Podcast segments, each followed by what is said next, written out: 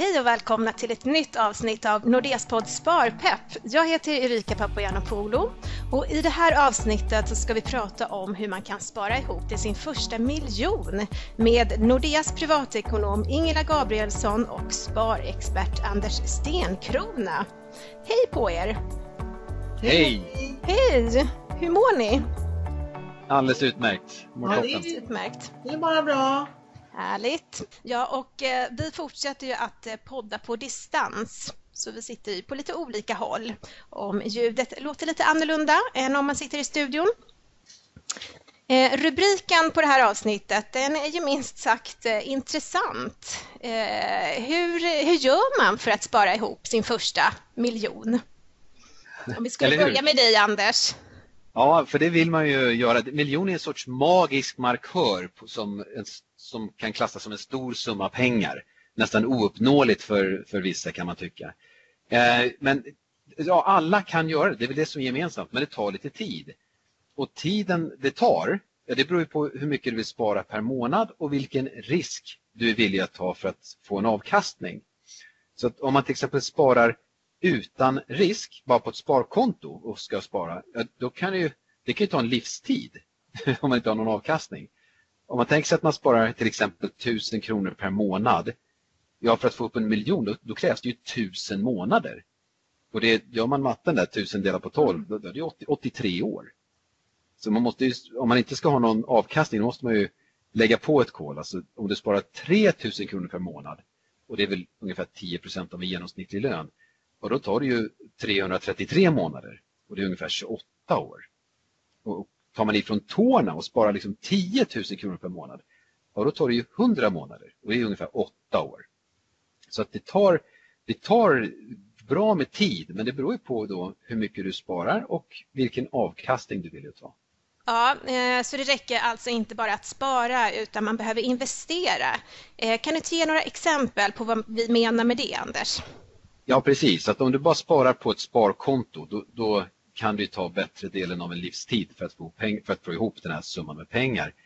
Eh, så man behöver liksom få en avkastning så att man kan dra nytta av ränta på ränta-effekten. Det är det som gör att sparandet, eller det här ja, sparsum, sparbeloppet tar fart och växer. Eh, så att med ränta på ränta-effekten har vi pratat om tidigare. Det är alltså att du får avkastning även på din avkastning såväl som på, på dina ihopsparade pengar. Så med en rimlig avkastning, då går det ju mycket fortare. Och hur lång tid tar det att spara ihop en miljon ifall man har en rimlig avkastning? Ja, precis. Och då blir ju frågan vad som är rimlig avkastning. Mm. Eh, Men det går ju betydligt fortare såklart. Och, eh, men det gäller fortfarande att man har disciplin och tålamod. Och att månadsspara till exempel i aktiemarknaden, det är en alldeles utmärkt strategi. Eh, Det är ganska enkelt, speciellt om man sparar i fonder, då är det jätteenkelt att få en bra diversifierad exponering mot aktiemarknaden. Och historiskt sett över de senaste liksom 30-40 åren så har både den svenska och amerikanska aktiemarknaden gett ungefär 10% per år inklusive utdelningar i avkastning. Men som vi vet, historisk avkastning är ju en garanti för framtiden så tidigare avsnitt har vi pratat om att 7% är en ganska rimlig årsavkastning från aktiemarknaden. Så, så om vi låtsas att vi, vi kan få det, 7 ja då att sparar man 1000 kronor i månaden, som vi sa innan skulle det ta 83 år utan avkastning. Gör man det med så säga, en aktieavkastning på 7% då tar det bara 28 år istället för 83. Och det är en ganska stor förbättring. Ja, verkligen. Och sparar ungefär 3000 spänn i månaden som är typ eh, 10 av, din, av en genomsnittlig lön. Ja, då, får, då tar det 15 och ett halvt år istället för om du gör det utan avkastning 28 år. Så det är nästan en halvering. Och eh, sparar du 10 000 spänn i månaden, ja då tar det bara 6 och ett halvt år så har du plötsligt eh, en miljon. Oj, ja det var ju verkligen skillnad. Eh, verkligen betydligt snabbare. Men jag tänker, eh, hur lång tid tar det att spara ihop till eh, en andra miljon? Tar det lika lång tid? Eller hur? Man blir lite här- peppad här känner jag. Jo, men det som är grejen, det här är den goda nyheten. Att man har ju ofta hört uttrycket att den första miljonen är den svåraste. Och det är det faktiskt. En miljon nummer två går betydligt fortare och nummer tre och nummer fyra efter det. Om man fortsätter på samma linje. Så om man tänker sig då eh, det här med att man sparar tusen spänn i månaden och så tog det 28 år att få sin första miljon. Det tar bara nio år att få miljon nummer två om man sparar tusen spänn i månaden. Därför att den första miljonen jobbar ju åt dig. Den, den genererar ju en avkastning utöver det du själv stoppar in. Och tar man 3000 spänn i månaden, ja det tog det 15 och ett halvt år för första miljonen och så tar det bara sju och ett halvt år till för miljon nummer två. Så det, det är ju rätt, det är ju rätt härligt. Och eh, de här för 10 000, om man sparar 10 000 i månaden, det tog ju 6,5 år för första miljonen. Det tar bara 4,5 år för miljon nummer två. Mm. Så det här är, alltså, det går fortare och fortare när man väl har kommit igång och kört det här långsiktiga spåret eh, så får man belöning för det. Är det det som är den här snöbollseffekten eller det som du, därför det att det går fortare? Jo, men du, du har så rätt. Det är precis det som är den här snöbollseffekten. Det går liksom fortare och fortare eh, ju mer man håller på. Ja, men det kan ju vara så att eh, en hel del av oss inte tror att man kan avsätta någon hundralapp eller några hundralappar i månaden eh, som man kan investera. Men vad skulle du säga om det Ingela? Kan man till exempel trolla fram pengar genom att ja, göra några smarta val i vardagen? Ja, det är precis det man kan faktiskt. Det finns många olika vägar faktiskt där vi kan hitta de här hundralapparna fast vi faktiskt inte tror det en vanlig månad. Och det kan ju vara så här, man, man kan ju minska sina utgifter på många olika sätt och om man vill verkligen eh, vara lite, sätta ett skarpt läge direkt så kan det ju vara att man helt enkelt bestämmer sig för ett köpstopp och då är ju det att man naturligtvis betalar alla räkningar och alla nödvändiga utgifter man har under en månad. Men sen är det alltså stopp. Och om man testar det så ska man typ säga bestämma sig för vad är det som det här ska omfatta och hur länge ska jag göra det här så att man inte sätter ribban för högt. För det är tråkigt om man inte känner att man kan hantera det utan det är bättre att man lyckas med det här. Eh, och då brukar jag säga liksom att tänk också på att det finns ju behov som uppstår på vägen och då måste man ju möta upp dem såklart. Men jag brukar rekommendera att man ändå kör åtminstone tre månaders köpstopp för att få en effekt och också kanske ändra sina beteenden.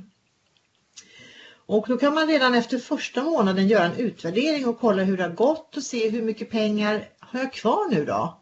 Och det kan nog bli en väldigt glad överraskning och man kanske också upptäcker att en hel del grejer är sånt som faktiskt man kan helt stryka även i fortsättningen. Men det är viktigt att man har tålamod här och inte ger upp förstås. Eh, ett annat tips är ju faktiskt att man tittar på sina streamingtjänster. Nu när vi varit hemma mycket i corona så har vi väl tittat på alla serier som finns och alla filmer och allting. Och det är jättebra såklart att man kan koppla av med det. Men samtidigt så kan det vara lätt att hänt att man drar på sig för många olika typer av abonnemang och strömningstjänster och man kanske inte heller utnyttjar alla. Så här finns ju skäl att se över det här och se vilka man verkligen vill ha och försöka säga upp de andra. Och här kan jag säga att ett tips är att prata med barnen om vad de vill ha så att man involverar dem i det här så att de förstår att här kan man vara smart och man kan välja det ena men inte välja det andra och, och tjäna lite pengar på det så blir de lite kloka konsumenter på vägen. Och det här som sagt kan ge ett överskott som gör att man kan börja investera och börja tänka på sin första miljon. Vill du få nyheter och inspiration om sparande och investeringar? Välkommen att besöka nordea.se. Och nu tillbaka till dagens avsnitt. Men ett annat bra tips det kan ju vara att uh, automatisera sitt sparande. Men hur funkar det egentligen Ingela? Kan du berätta lite steg för steg hur man gör? Det är, just, det är ju det absolut, det, det, tycker jag liksom att det är väl det man absolut ska göra för att få koll på sitt sparande och få det att tuffa på och ge en effekt. Och det, det bygger på att man har ett automatiskt avdrag från sin lön när den kommer till ett annat konto som är det här sparkontot.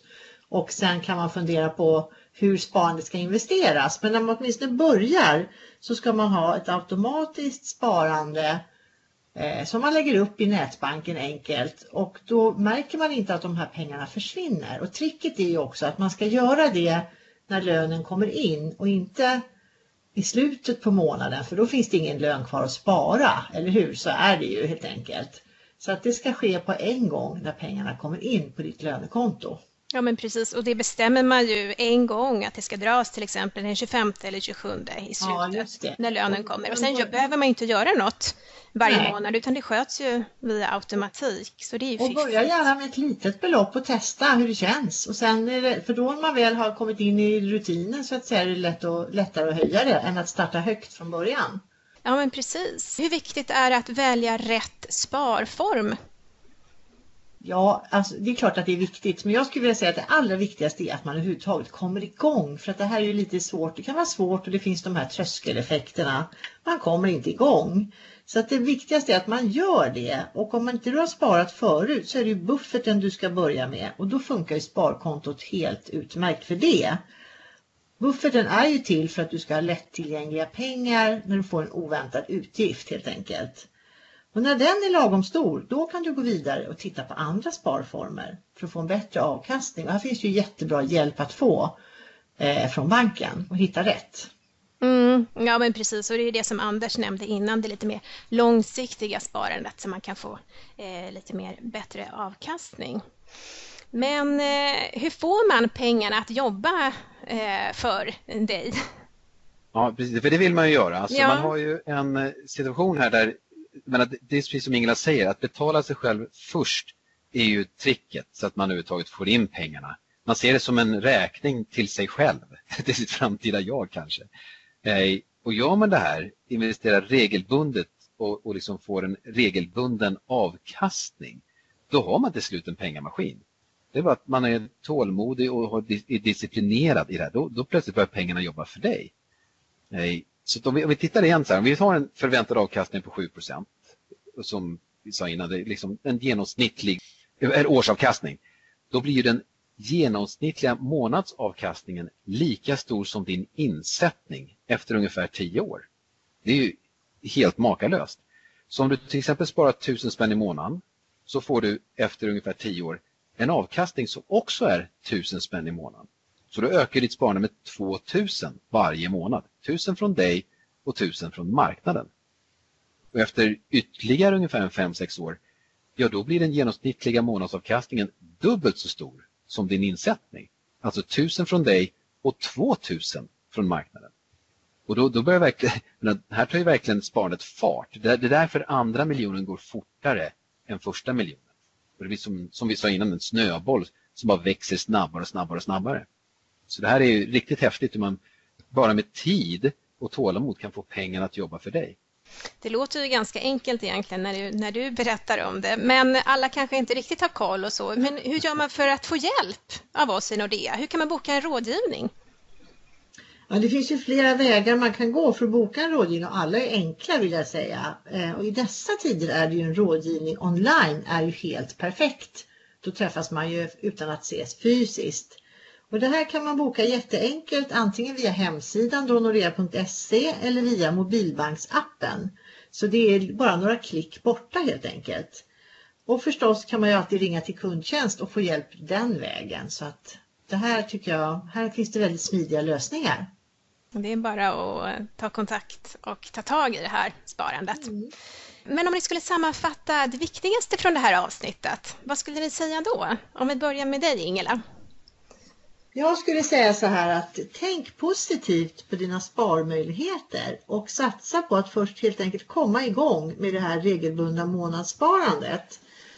Och för att det ska bli möjligt och för att man ska ha råd med det så testa en köpfri period och dra ner på streamingtjänsterna. Så då kommer vi att lyckas med det här och då kommer man att upptäcka hur enkelt det ändå var. Det låter bra. Och vad skulle du säga Anders? Jag håller med Ingela där. Det är enkelt det är, och vem som helst kan göra det här. Och det är viktigt att komma, på, komma ihåg det. Vem som helst kan lyckas. Det handlar alltså om tid, disciplin och tålamod är investerarens bästa vän.